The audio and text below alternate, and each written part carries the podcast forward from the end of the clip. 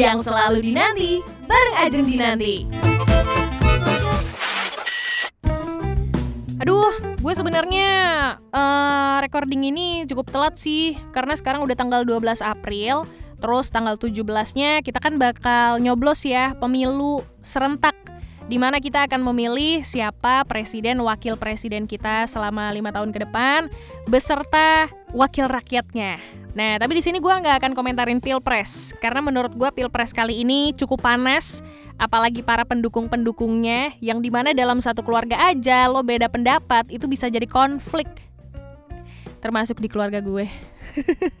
Kalau pilpres jelas. Pilihannya ada dua, lo pilih satu atau pilih dua, lo pilih Jokowi Amin atau Prabowo Sandi, ya kan?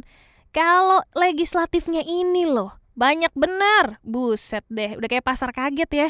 Diadainnya jarang-jarang, tapi sekalinya ada banyak banget barang baru.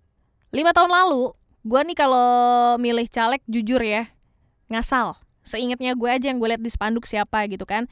Sampai akhirnya seiring berjalannya waktu gue bertambah umur juga apalagi gue masuk di dunia media gitu kan. Jadi gue harus mengikuti perkembangan-perkembangan yang ada di negeri ini termasuk beberapa kasus-kasus korupsi yang melibatkan beberapa wakil rakyat kita nih yang akhirnya membuat gue concern. Ah ntar gue uh, pemilu gue nggak mau ngasal ah milih calegnya gitu kan Nah terus sekarang udah mau deket-deket tanggal nyoblos, eh gue bingung sendiri cuy. Kenapa bingung? Karena kan banyak banget ya lo lihat di jalanan, papan reklame, baliho, itu semuanya caleg. Orang-orang pada minta dukungan, minta dipilih. Tapi kalau lo perhatiin ya, dari semua media yang digunakan sama para caleg ini untuk meminta dukungan gitu ya. Mereka nih hanya mencantumkan satu nama, dua gelar mereka, tiga nomor urut, empat nama partai. Ya masuk akal sebenarnya kalau emang mereka pengen dipilih otomatis harus ngasih tahu ke kita dong kita harus pilih yang mana di partai apa nomor berapa gitu kan. Tetapi kan ya balik lagi gue nih nggak mau ngasal gue pengen Indonesia menjadi lebih baik Gue pengen wakil rakyat yang amanah. Gue pengen wakil rakyat yang benar-benar mewakili suara rakyat. Nah, tapi sayangnya para calon legislatif ini belum ada yang berhasil bikin gue percaya, belum ada yang berhasil bikin gue, oke, okay, gue milih lo deh. Itu nggak ada. Kenapa? Karena ya itu tadi, ya uang isinya cuma nama, nomor urut, sama nama partai gue nggak tahu track record lo apa, gue nggak tahu background lo apa dan lain sebagainya. Yang sebenarnya ada kok satu website kalau nggak salah namanya pintarmemilih.id deh. Nah di situ tuh banyak tuh, di situ semua tercantum siapa-siapa aja caleg kita yang bisa lo pilih. Nah cuman sayangnya itu nggak lengkap tuh. Gue nggak ngerti apakah memang dari pihak si websitenya yang nge-input atau uh, si para caleg ini yang seharusnya input tapi dia nggak masukin gitu. Jadi pas gue cek ada beberapa yang visi misinya ingin mensejahterakan desa. Ada juga yang visi misinya tidak tersedia. Lagi mana mau dipilih? Ya nggak sih? Kalau lu aja nggak bisa meyakinkan kita nih para pemilih untuk memilih lo. Sekarang gini ya, kalau lo nih ngelamar kerja, ya kan? Apa sih yang lo butuhin? Yang pertama, filter yang pertama adalah melalui CV lo, ya nggak sih? Gimana caranya CV lo ini bisa tembus, bisa dilirik sama orang HR-nya sehingga dipanggil untuk interview. Jadi lo pasti akan berusaha dong bikin CV yang semenarik mungkin, semeyakinkan mungkin agar bisa dipanggil interview untuk ngobrol lebih jauh lagi. Sama kayak para calon legislatif inilah. Gimana lo mau dipilih kalau isi CV lo tuh cuma nama, terus lo lulusan mana, sama IPK lo berapa?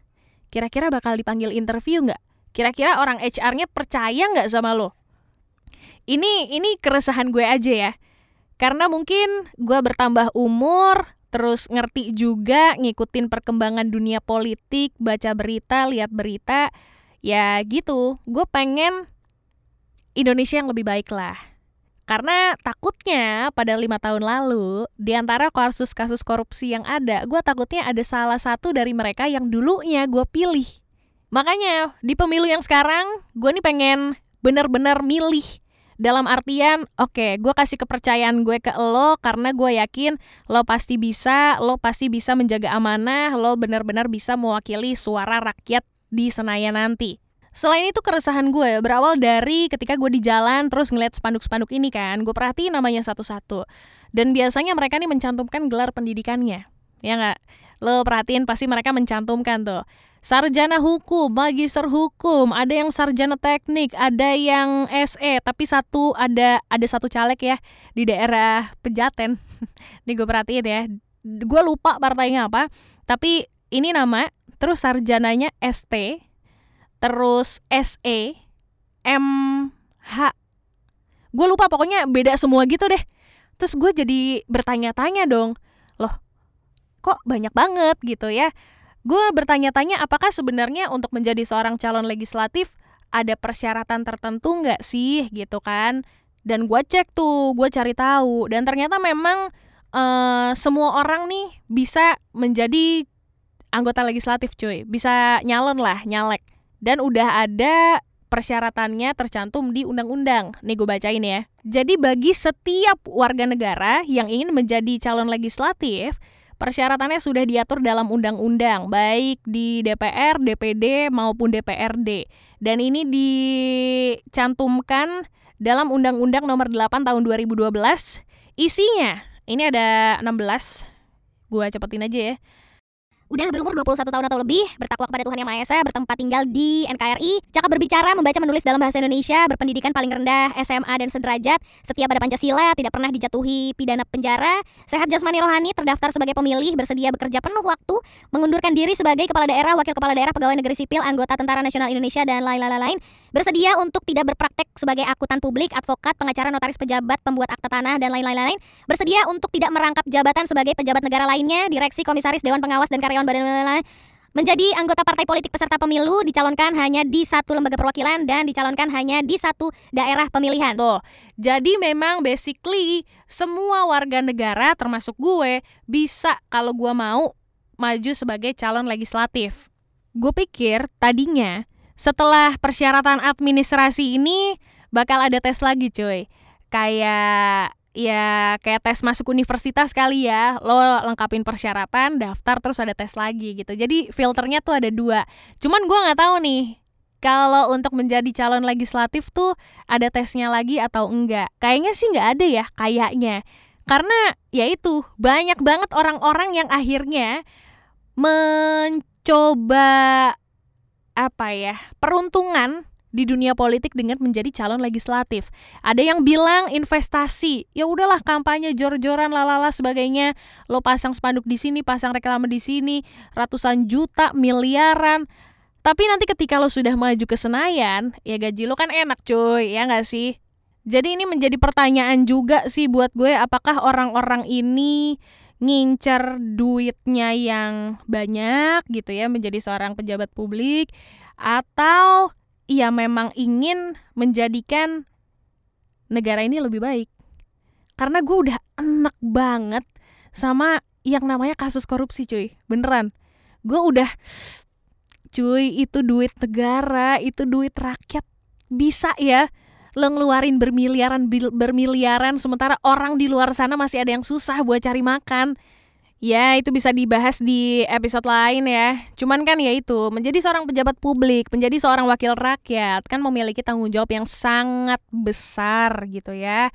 Makanya gue nggak pengen salah pilih lah. Gue pengen bener-bener mempercayakan suara gue untuk seseorang yang capable, seseorang yang bisa dipercaya dan sampai saat ini gue belum menemukan siapa caleg tersebut karena gue butuh diyakinkan. Nah, menurut lo aja, apakah dengan spanduk-spanduk yang tersebar sekarang, yang dengan hanya ada nama, nomor urut, dan nama partai, bisa bikin lo yakin? Kalau gue sih enggak. Nah, gue di daerah Pondok Indah ya, Jakarta Selatan, gue menemukan ada satu caleg, dia independen, nggak sama partai. Kalau nggak salah DP DPD RI Jakarta. Nah, si orang ini dia bener-bener kayak CV tuh. Jadi ada spanduk kecilnya, dia nggak di mana-mana mukanya, tapi sal uh, ada spanduk kecil. Jadi muka, terus nomor urutnya berapa, independen, dan lain sebagainya. Di bawahnya tuh dia mencantumkan track recordnya. Dia pernah di Mahkamah Konstitusi dari 2003 sampai 2008. Dia pernah ini, pernah itu, pernah itu kayak Oh oke, okay. dia lima tahun bisa bertahan berarti orangnya amanah nih. Oh dia punya pengalaman di bidang ini, oh dia ngerti lah pasti. Gitu loh maksud gue. Kalau lo pengen meyakinkan kami para pemilih, yang bu kayak gitu, gue ngerti. Mungkin para uh, calon anggota legislatif ini banyak pemain baru, ya kan? Banyak yang belum punya pengalaman di bidang politik. Tapi ya tolonglah Yakinkan kami para pemilih, jangan cuma dikasih tahu nama sama nomor urut doang. Entar nyampe di TPS, gue buka tuh kertasnya, nggak ada muka lo, gue juga lupa nama lo siapa gitu. Lagian kan sekarang udah digital juga ya gitu. Kalaupun budget uh, lo terbatas untuk kampanye dan kayaknya menggunakan spanduk reklame gitu-gitu tidak seefektif. Ya mungkin efektif untuk membentuk popularitas brand awareness gitu ya. Tapi balik lagi mau muka lu di setiap 5 meter sekali ya gue tetap tidak teryakinkan sih untuk memilih lo gitu. Sekarang apa-apa udah digital kan juga bisa dimanfaatin. Kalau nggak salah di Facebook tuh ada deh platform atau aplikasi gitu gue lupa yang di mana sebenarnya kita nih para pemilih bisa mengenal lebih jauh siapa para calon anggota legislatifnya. Di situ uh, ada Q&A, misalnya lo pengen tahu visi misinya apa, terus dijawab sama ca sang calon legislatifnya. Dan sayangnya kemarin gue lihat temen gue ngepost yang memanfaatkan platform tersebut dari banyaknya caleg itu cuma satu, baru satu. Mumpung masih ada waktu nih teman-teman yang mendengarkan ya, tolong jangan cuek kalau bisa sebelum memilih siapa wakil rakyat lo nanti, lo cari tahu dulu. Lo cari tahu backgroundnya, lo cari tahu track recordnya seperti apa gitu ya. Gak ada salahnya kok ngeluangin waktu sebentar buat ngecek-ngecek orang daripada ngepoin mantan terus mendingan kepoin tuh siapa aja calon legislatif lo. Agak rempong ya, kayaknya dari para calon legislatif ini kan banyak banget. Seenggaknya nanti siapa pun yang lo pilih, di TPS itulah yang terbaik dari pilihan yang ada gitu. Jadi kalau bisa please jangan ngasal, please jangan kayak gue dulu yang milih hanya seingat gue yang ada di spanduknya. Karena ini demi Indonesia 5 tahun ke depan yang lebih baik. 17 April 2019 jangan golput. Ajeng dinanti undur suara dulu.